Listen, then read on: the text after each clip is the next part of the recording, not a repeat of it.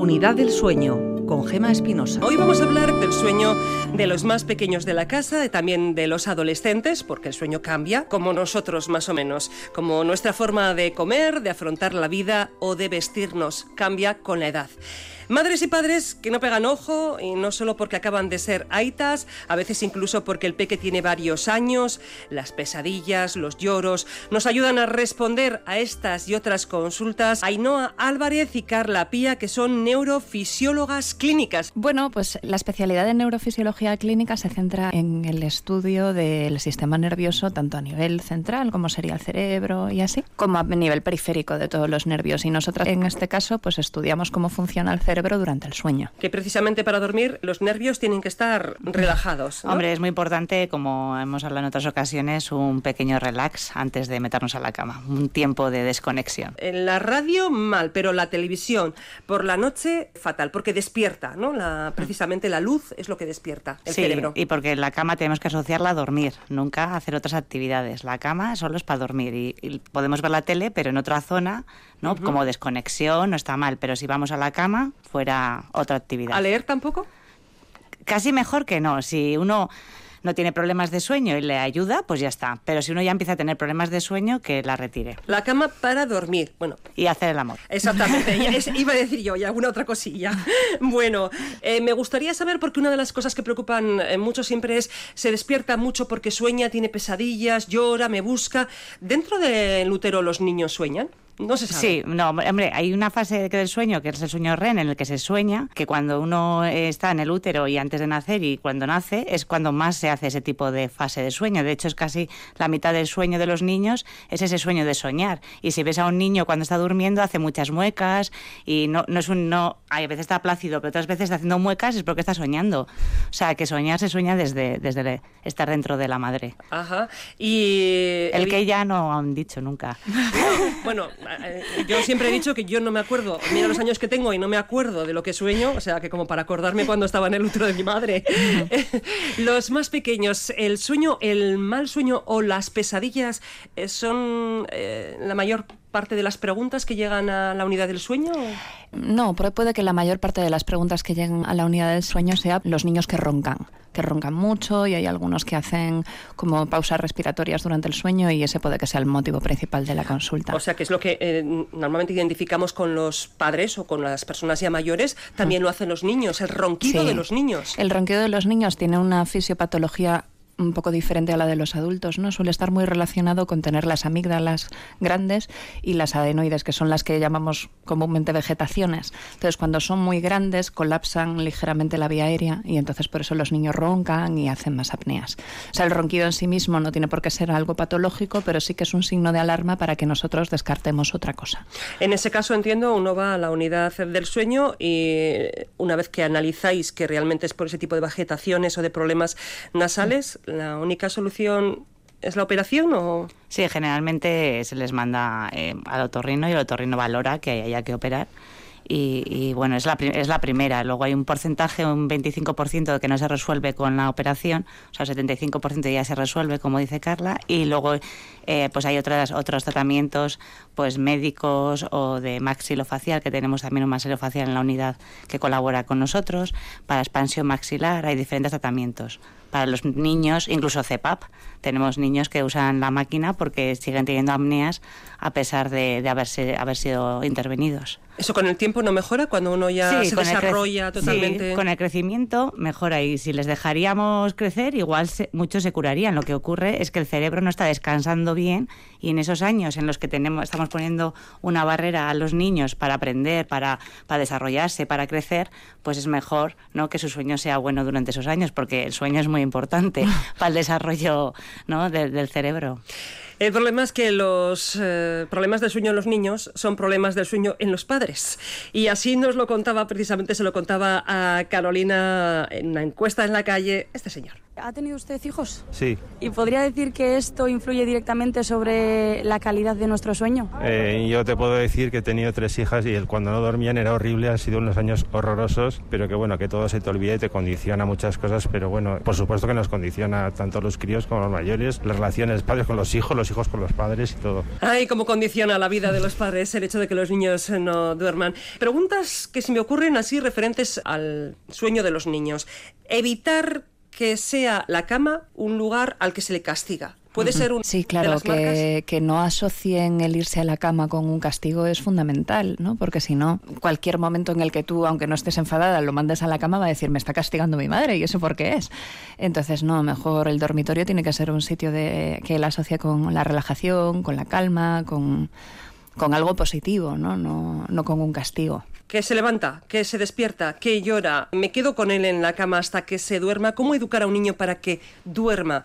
En los mayores hemos dado algunos consejos. No sé si a los niños no los van a entender. Tendremos que dárselos a los padres, ¿no? Claro, los padres son los que tienen que tenerlos bien claros, ¿no? Yo creo que es, importante. Hay, hay, como habéis comentado, niños que enseguida empiezan a dormir del tirón en sus camas y no hay ningún problema, pero hay otros pues que se resisten más y esto hace dos cosas. Una, que el padre esté o la madre esté de, sin dormir y otra, que el niño tampoco esté durmiendo adecuadamente, ¿no?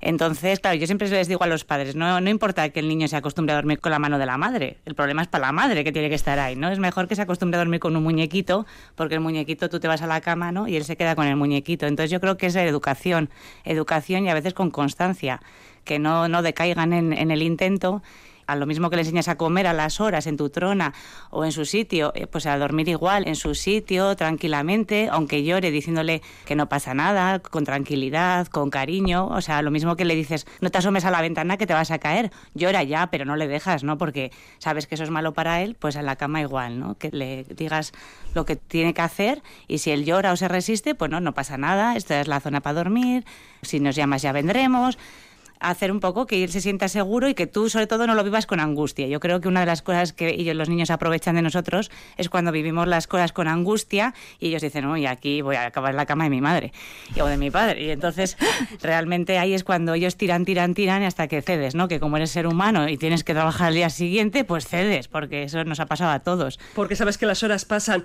¿Llevártelo a la cama, los padres, es una solución?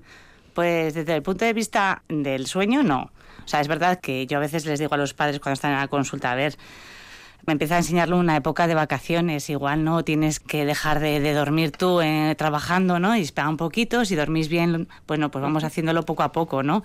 Pero lo mejor es que el niño aprenda a dormir en su sitio y no en la cama. El verano, eh, ahora que lo acabas de decir, puede ser una buena época, ¿no? Para enseñar a un niño a dormir. Sí, las vacaciones de los padres al final, eh, como decía Ainhoa, ¿no? Fundamental sobre todo porque eh, es, una, es una época que requiere muchísima paciencia y muchísimo amor, porque hay un momento en el que tú quieres irte a dormir y por experiencia propia lo digo y te dan ganas de coger al niño y tirarlo por la ventana. Bueno, paciencia, amor, calma, no tener que madrugar tú al día siguiente te ayuda muchísimo. Pero hay un problema añadido, estoy pensando, pero es que el verano se acaba y cuando el niño se ha acostumbrado a estar hasta las 10, las 11 despierto porque es verano, porque hay luz, porque hay fiestas, hay cohetes, mm. de repente llega septiembre, que está a la vuelta de la esquina y vete tú a decirle al niño que tiene que meterse a las nueve porque mañana hay que ir al cole, ¿no? Ya, sí, bueno, esos cambios, hombre, si lo empiezas a levantar un poco antes, pues si al final entra a dormir, pues va a dormirse antes. Eso es más. yo creo que sobre todo una de las cosas que veo que a veces falla más es que igual entre la pareja no nos ponemos de acuerdo, ¿no? Porque tú le dejas llorar.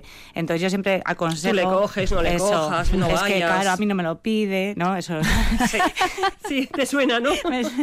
y entonces, claro, yo creo que eso, él, cuando vea y yo creo que hay que, hay que juntarse, hablar con el padre y la madre y decir, bueno, vamos a hacer esto. Bueno, a mí no me parece bueno, pero vamos a hacerlo, ¿no? Y ponerse de acuerdo. Y de cara al niño, eh, tener las, las mismas decisiones, aunque por detrás estés diciendo, uff, pero que él vea que estéis de acuerdo y que no se aprovecha de eso, ¿no? Que tenga las normas claras. Eso, y luego en septiembre, pues una vez que ya empieces a levantarlo un poquito antes, yo creo que sobre todo si son pequeños, se meten, se duermen antes. ya los adolescentes es otra, otra historia. De eso hablaremos dentro de un momento. Vamos a escuchar otra pregunta que hacía Carolina en la calle a una señora. ¿Podrías decir que el hecho de tener hijos influye directamente en la falta de sueño? Directamente sí, porque al final entre eh, dar mamar por las noches, que al principio cuando son pequeños son, es cada hora y luego eh, son tres veces por la noche, pero yo creo que eso al principio cuando tienen un año o dos años es cuando, cuando te quita más sueño durante la noche, aunque se despierte dos veces por la noche por, por hambre o porque se ha despertado por lo que sea y quiere pecho para volver a dormirse, como duerme dos veces durante el día, entonces sumas todo esto, al final es un buen suma de, de horas de dormir. Sí, claro, el niño sí, uno o dos años, eh, duerme unas horas ahora, otras horas después, el problema es que los padres no pueden hacer eso, ¿verdad? No, claro, pero a ver, es una época que tiene fecha de caducidad, hay que tenerlo en cuenta. Pero que se hace eterna, ¿eh? Se hace eterno, sí, sí, sí, sí, pero bueno, al final el tener que darle el, pecho pues es una, una elección de las madres. Obviamente el padre ahí no puede ayudar, pero puede ayudar para los momentos en los que el niño, si no se queda dormido, puede ayudar el padre, ¿no? Y luego sí que es cierto que te queda... O al revés, puede ayudar la madre, si es, el que se levanta. Si es el que se levanta, al final, o, o, quien sea, ¿no? O sea, dentro de, la pareja o, bueno, si tienes ayuda de abuelos y demás. El caso es ser un frente común. Sí, lo que decir, ponerse de acuerdo, ¿no? Hombre, el niño no es el enemigo, pero bueno, en este caso... No, pero las eh, normas las, ah, las, tienen que mantener los dos, porque si no, claro. si hay dudas... Si hay dudas, ellos se agarran a eso y sí. ¿A qué edad podemos decir que el niño eh, debe estar durmiendo solo, exclusivamente solo? Que no te duermas tú con él o que no venga a tu cama. ¿Qué edad es? Hombre, yo la ideal, ya algunos padres se me van a echar al cuello, pero la ideal son ya quitarlo de la habitación a los seis meses y ya ahí puede empezar casi a dormir toda la noche sin ningún problema. Otra cosa es que la rutina es muy importante en los niños y, y a veces si les acostumbramos a comer a medianoche lo van a pedir y si les acostumbramos, o sea, son pequeñas costumbres que nosotros, como eh, nos han comentado antes, ¿no? Del ordenador, pues les hacemos y parece que funcionan, pero luego a la larga es un problema. Es un problema porque nos va a pedir comer y entonces hay que sacar la teta y darles de comer. Entonces, yo creo que ya a los seis meses ya se les puede sacar de la habitación y ya pueden tener un, un tiempo de dormir más amplio. Es verdad que no todos somos iguales, que hay niños que necesitan más tiempo, otros menos, pero bueno, ya empezar a pensar que igual hay que buscarle un sitio agradable, que sea para dormir y... Hmm. Nos pregunta un oyente, nos dice, mi niño no entiende qué le pasa, se despierta y reclama a su madre y su padre. ¿Qué hago? Claro, pues eso es que muchas veces han acostumbrado a que siempre que se duermen está el padre o la madre y ellos la forma de dormirse es esa, pues poco a poco eso, pues ir sustituyendo el padre o la madre por un muñequito, intentar que a la primera eh, no ir, cuando vas, pues mira, ya eres mayorcito, pues tienes que dormir con tu muñeco, intentar poco a poco alargar ese momento, ¿no? Lo más fácil es que nos que ya con manual de instrucciones y ya los hemos enseñado. El problema es cuando no les hemos enseñado, porque son, por lo que te decía antes, somos humanos y de todo nos ha pasado, y tenemos que enseñarles más mayorcitos y nos va a costar más. Pero sobre todo eso, bueno, pues si te llama y tienes que ir, pero que no sea quedarte, cada vez que, se, que sea cada vez la cosa más corta, porque a veces igual te llama y te tienes que meter a la cama con él, ¿no? Y eso se alarga mucho, pues no, mira, venga, ya eres mayorcito, ahora vas a dormir con este, este con este muñeco que te hace... Luego, muy importante, otra cosa que a veces no tiene hermanos, pero que duerman con los hermanos, porque también les da como más seguridad, más, no sé, porque tienen miedos, ¿no? Que comentabas antes, pesadillas. Entonces también los hermanos pueden ser un apoyo para los padres. Puedes hablar con el hermano mayor y decirle, mira, para que todos durmamos mejor, ¿por qué no duerme esta temporadita en la habitación de tu hermano? ¿no? Hacerles cómplices y que te ayuden en, la educación del dormir, ¿no? Lo de poner, hay niños que tienen muchísimo miedo a la oscuridad. Lo de dormir con una lucecita al fondo, ¿es buena idea? Bueno. No, por la cara que habéis puesto las dos, no. Claro, es que las lucecitas al final es lo que, lo que comentamos en otras sesiones, ¿no? La luz azul, sobre todo, es la que intercede mucho con nuestro sueño y no nos deja producir la cantidad de melatonina que nosotros necesitamos. Hay que intentar educarlos en que la oscuridad no es necesariamente mala, ¿no? Y yo creo que muchas veces también aprenden con el ejemplo, no solamente por dormir con los hermanos, que los hermanos, las buenas costumbres se contagian y esto seguramente padres de niños mal comedores que los llevan a la guardería y allí les dicen que comen fenomenal, pues lo mismo pasa con el sueño, ¿no? O sea, si ves que tu hermanito está durmiendo fenomenal, pues tú al final intentas copiarlo. Y yo creo que también el esfuerzo tiene que partir de los padres, ¿no? No puede ser que el niño se vaya a la cama y oiga que los padres están en la cocina, en el salón viendo la tele y una película, porque entonces tienen la sensación de que se están perdiendo algo guay. Y al final Intentar educar también desde el ejemplo. No digo que nos vayamos a la cama con los niños, que igual se van a las 8 o 9 de la noche a la cama, pero sí limitar un poco que haya la actividad. Silencio, ¿no? Quizás, que haya silencio para que ellos no tengan la tentación de despertarse y levantarse para ver qué están haciendo sus padres, que puede ser lo interesante. Eh, ¿Los niños sueñan como los adultos? Porque hay una época en la que se despiertan muchísimo por la noche.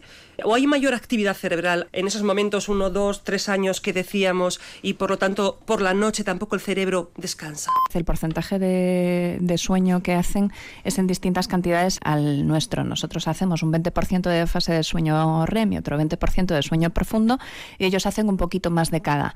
Y al final la fase de sueño en la que soñamos es la fase de sueño REM. Si tienes más fase de sueño REM vas a soñar más. Si sueñas más también puedes tener más pesadillas y entonces por eso te puedes pe- despertar más, más veces. Ajá, esa es la parte lógica.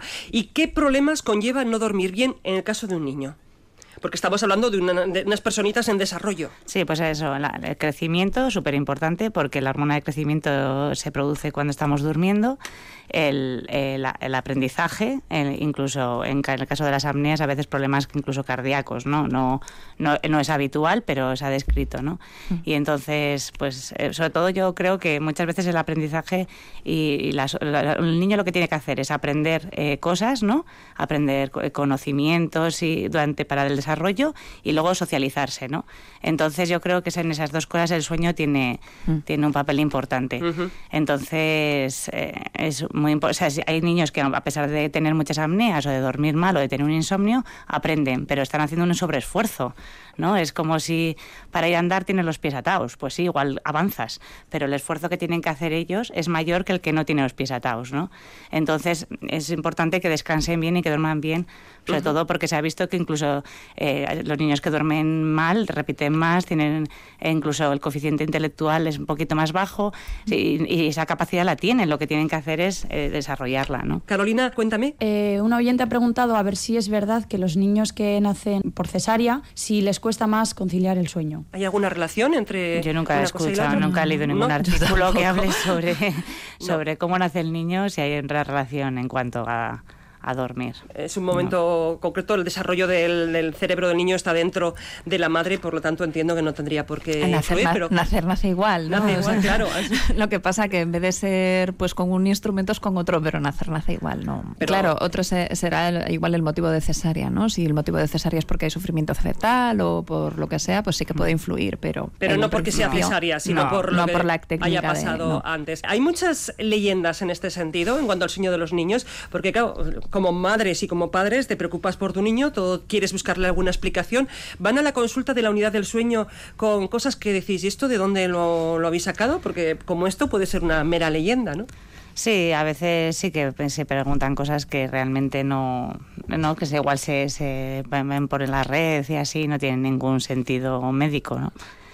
Internet tiene mucho que ver en todo esto, ¿no? Sí. Tiene mucho que ver porque vienen y luego hay una bueno hay una corriente ahora muy muy extendida que es el colecho, ¿no? Que está muy de moda y, y entonces Con el dormir con el niño. dormir con el niño. Hay dos tipos, ¿no? O que duerma en otra cama, pero en la misma habitación, o incluso todos en la misma cama, incluso toda la familia en la misma cama, ¿no? Es un, una forma de, nueva de, bueno, de que convivencia, En ¿no? muchos países eh, se hace así, pero por necesidades. No hay Eso. más que una habitación y no queda más remedio que Eso, hacerlo. pero hacerlo pues porque bueno, en muchos les- países y, y también aquí. ¿eh? Y también hay Sí, eso. sí. Pero más hacerlo porque creen que es mejor, por el contacto y por el cariño. Y entonces, bueno, pues eh, ahí en la Sociedad Española de Sueño de Pediatría cree que, que realmente no es una buena práctica para aprender a dormir a los niños, ¿no? Pero bueno, que también cada uno luego, en esto de la medicina, pues yo qué sé, tampoco es blanco y negro, hay No, claro. Entonces, pues no sé, pero sí que es verdad que a veces te consultan y dicen, es que duermo mal, hombre, pues sácalo de la cama, no sé, es que pega patadas. Sí, pero cuando, cuando tiene igual cinco años, ahora obligarle o decirle que tienes que dormir solo ya será más difícil, ¿no? Pues sí, pues les han acostumbrado a eso y claro, pues eh, no sé, pues si, si ves que no te va bien, aunque creas en esa teoría, pues oye, pues igual tienes que plantearte que no es la adecuada, no. Por lo tanto, eh, las consultas, decíamos en la unidad del sueño, en los más pequeños, el tema de los ronquidos de los niños tiene solución en un 75% con la operación. Después decíamos que hay otras fórmulas, maxilofacial, eh, bueno, pues eh, hay, hay, hay, fórmulas para ir dulcificando ese ronquido y que el niño no tenga problemas de apneas o de respiración que influyen en su desarrollo. El tema de las pesadillas, pero eso ya es más de educación en casa, ¿no? De, de tranquilidad, quizás. Sí, las pesadillas, igual que los despertares confusionales, terrores nocturnos y todo, son trastornos que son benignos. Y bueno, una de las técnicas que se puede utilizar para las pesadillas, ¿no? Si es una pesadilla recurrente, que me lo. Vamos, es una cosa que recomienda mucho la doctora Álvarez. una pesadilla recurrente que un niño tiene siempre la misma y tal, pues bueno, si ya tiene una edad en la que puede eh, escribir, por ejemplo, escribir un final diferente, ¿no? Un final divertido, escribir la pesadilla, redactarla y escribir un final alternativo a esa pesadilla. Ah, o sea, a la mañana siguiente cuando te cuenta lo que le ha dado miedo, le dices cuéntalo como un cuento y le mm. ponle otro final. Y luego que lo lea, ¿no? Porque al final soñamos con algo que hemos vivido, que tenemos en mente, que hemos visto. No vamos a soñar con el número de la lotería, ya lo siento. bueno, puedes soñar, pero no vas a acertar. No vas a acertar, o sea, hay que decir que no podemos predecir el futuro. Entonces, ellos van a soñar con lo que no, han visto alguna película, han visto un anuncio, ¿no? Porque y eso les asusta y entonces al, al hacer la pesadilla y si es siempre la misma, pues al releerlo, y la verdad es que funciona muy bien y es algo sencillo, con niños eso, en 10 años, pues va muy bien. ¿Algún otro problema que se me pueda olvidar? Que en los más pequeños, ¿eh? Pasamos ahora a hablar de los adolescentes, pero... Hombre, yo creo que el insomnio como tal, ¿no? Porque yo creo que parece que el insomnio, como comentabas, no existe en los niños, ¿no? Y esto que duerme mal, que se despierta, pues igual estamos ante un insomnio, ¿no? Y que igual tenemos que ir al médico, porque como bien dice Carla, lo que más recibimos muchas veces son peticiones de niños que roncan, pero parece que el insomnio, bueno, ya se le pasará cuando crezca y mientras está el niño ahí sufriendo, los padres sufriendo, y es una época dura que necesitan igual a veces consejos o que alguien les diga, mira, haz esto, y realmente eso es lo que, ¿no? Necesitan como un apoyo y una guía, porque igual tú lo lees, pero si está el médico diciéndote, mira, sí, haz esto, venga, ánimo, que es difícil, pero que si lo hacéis va a mejorar, entonces le puedes dar unas pautas que les puede ayudar a los padres. Yo creo que recibimos pocos niños de insomnio de todos los que está descrito que hay.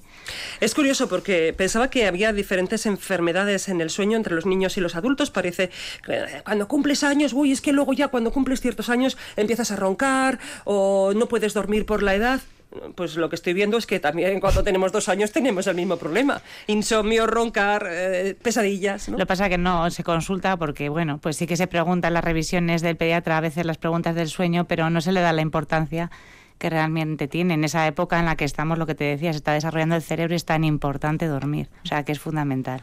¿En los adolescentes esto mejora o empeora?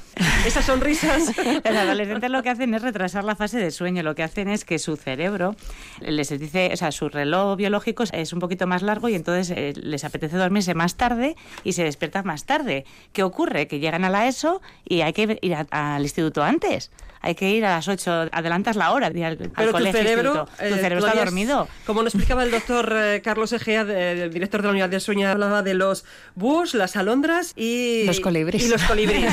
los búhos son los que se acostaban tarde, las alondras los que se levantaban pronto y los colibríes los que se adaptan a lo que venga. Mm. Está claro que cuando llegas a la adolescencia... Eres búho. Eres búho, pero muy búho además. O sea que lo de ir de fiesta es que es innato con nosotros, No, no, no es algo que tú provoques, ¿no?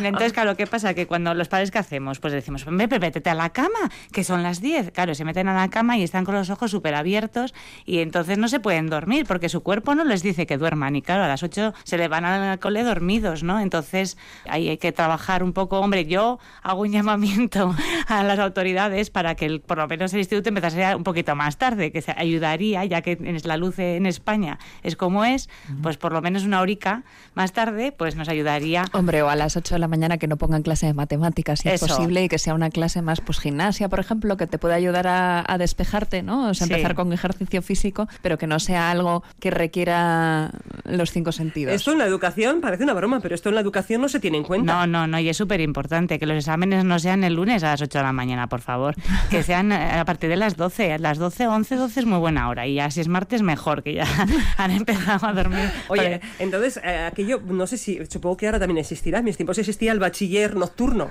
Sí. Más adaptado, por lo tanto, ¿no? A la adolescencia. Sí, Sí, puede Bueno, no sé sí. si nocturno, pero por lo menos por la tarde uno está más espabilado siendo adolescente. Pues sí, igual sí que está más. Sobre todo más las horas esas del- de media, ¿no? A partir de las 10 o así ya están despiertos. O sea, a ellos si les dejarías dormir de, de, de 12 a Hasta 10. las 9 y a las 9. Estaría estupendo, ¿no? Madre mía, vamos a provocar una huelga en educación. Bueno, pero eh, es cuestión, eh, lo hemos dicho varias veces, hay sectores en los que no se tiene en cuenta el sueño. Cada vez más eh, los deportistas, nos decíais, empiezan a, a llamaros para decir, oye, ¿cómo puedo sacar mayor rentabilidad de este deportista? Adaptando su sueño y controlando su sueño, pues eh, lo mismo debería pensarse en la educación. Cuando son muy pequeñitos, quizás sean más búhos, eh, o sea, perdón, más alondras, se levantan más pronto, se despiertan cuando los padres todavía quieren dormir, pero en la adolescencia son mucho más nocturnos, son mucho más búhos, por lo tanto debería adaptarse. Eso vamos a dejarlo caer así, a ver si, si alguien por lo menos se lo plantea. Eh, hay otra pregunta que nos dice, ¿qué se puede hacer con un niño de 20 meses que no se duerme hasta las once y media de la noche y después se despierta mucho? ¿Hay que dejar que llore metiéndole antes? A ver, las nanis. ¿Qué hacemos con un niño que se duerme a las once y media y encima se despierta varias veces? Vamos, que la madre tiene que estar desesperada. Hay y que el padre. pensar en duerme siesta, no duerme siesta, cuando la duerme, porque ¿qué dijo? 22 meses, ¿no? Sí, Eso 20 es- meses sí creo que ha dicho. 20, 20 Eh, meses es casi dos años. casi dos a lo años. mejor puedes prescindir ya de la siesta de por la tarde, por ejemplo, y le puedes dejar dormir una siesta por la mañana. Tener unos horarios más o menos regulares, siempre el mismo. Pero, siempre en- el mismo a las once y media de la noche. Hombre, yo intentaré adelantarlo un poquito. Sí, pero, es importante pero si que no se se meten a la cama cuando tienen sueño. Y luego que lo que decía también Carla, que el tiempo, eso, y también esto es muy importante en los adolescentes, el tiempo antes de acostarte, un par de horas antes de acostarte, se haya actividades relajantes, que ya desconecten, que no se puede, bueno, en este caso es un, be- un bebé, pero no se puede estar haciendo los deberes de matemáticas y venga a la cama que toca, que toca. No, eso no se puede, porque el cerebro está activo todavía, ¿no? Necesitamos un tiempo. ¿Y cuál es la mejor forma de desconectar para un niño? El hablar con la familia, preguntarle qué ha hecho durante el día, se nos ha olvidado cenar con los hijos, eh, hablar. Todo eso hace que, que uno quite tensiones. Pues me he peleado con mi amigo.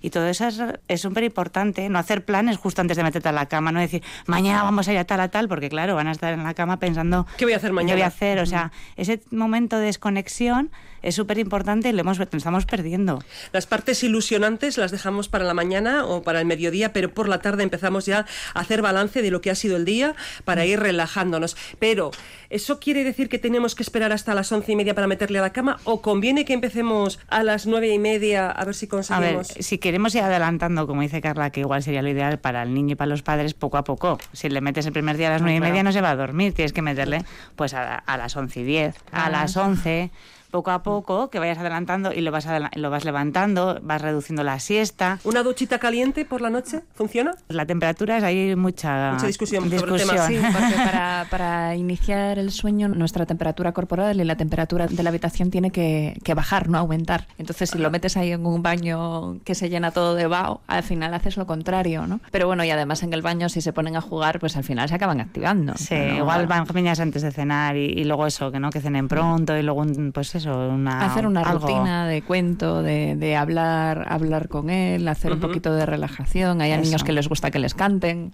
Sí. Leer un, leer un cuento y fuera tablet, móviles en la cama, por favor, luz. Sí. O sea, nosotros tenemos en la unidad de sueño, hacemos un montón de, de estudios de sueño a niños y no sé, no sé el porcentaje, pero yo diría un 90% Sí.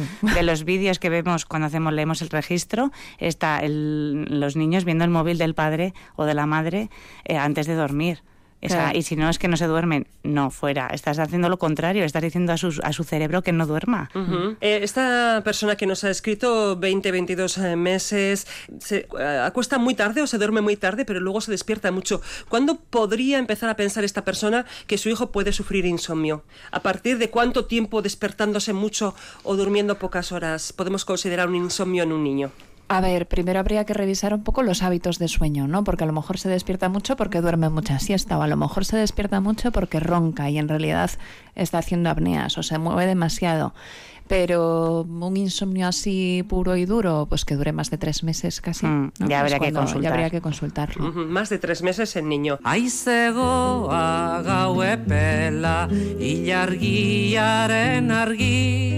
Mutxurdinak leioetan telatu hankatu bi Bidertzian zenbait kanta gau erdi zarnoari. Argaineko zorgin zarra kenuka hilargiari Eh, charlábamos en estos segundos entre la doctora Ainhoa Álvarez, Carla Pía y yo que los niños tienen una imaginación que cualquier cosa despierta la suya y le puedes contar un pequeño detalle y en su cabeza esa noche se convierte en una historia que se podría hacer una película.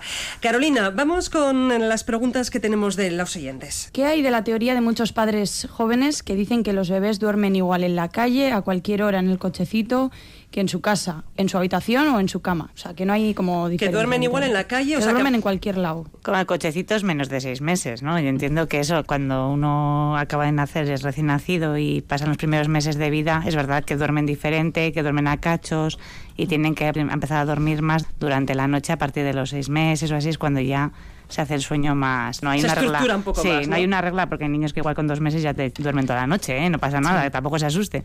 No. Pero eh, a partir de los seis meses cuando ya empiezan y ahí ya no se suelen dormir tanto duro. En el coche ya van en silla. Hombre, incluso la actividad cerebral muchas veces de los niños que están recién nacidos, tú para saber si el niño está despierto o dormido, la diferencia que hay es mírale a la cara a ver si tiene los ojos cerrados, porque muchas veces casi no se distingue, ¿no? La actividad cerebral de despierto en dormido en los recién nacidos, pero es eso, a partir de los seis meses.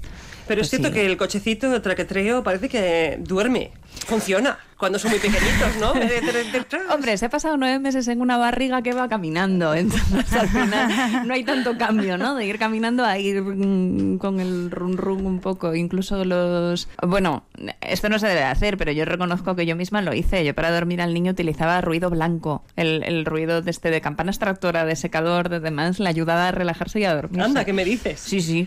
¿La campana extractora funciona? La campana extractora. A mí personalmente me funcionó. Sí, no que es una cosa que yo pueda, no es una cosa que esté bien hecha, Sí. pero al principio cuando un niño nace y tú te tienes que adaptar a, a él y eres madre primeriza, lo que tienes que hacer muchas veces es sobrevivir, ¿no? Los primeros meses. Mm. Hombre, y haces sobre todo lo que estar sea. tranquila, porque si no le transmites al niño todo tu Claro, nerviosismo. claro, claro, claro. Es curioso, cada uno busca su fórmula, pero bueno, pues eh, funciona lo de salir a la calle, cualquier hora en el cochecito nos dice que en su casa, en su habitación y en su cuna. Todo depende Ya. de la edad. Claro, Sí. claro, es como comer. Cuando está- es pequeñito, va en el cochecito, sacas la teta, vuelve, pero luego ya le va, ya tiene sus horas de comer, su, ¿no? Entonces lo mismo pasa en dormir. Vamos, que es una ilusión óptica, no se fíen de ello. Carolina, más preguntas. Dice, ¿cómo tenemos que acostar a los bebés? ¿Boca arriba o boca abajo? Uf, esto ha sido una cosa que durante años ha ido cambiando, ¿no? Que eh, hemos pasado de todo, boca arriba, boca abajo y de lado.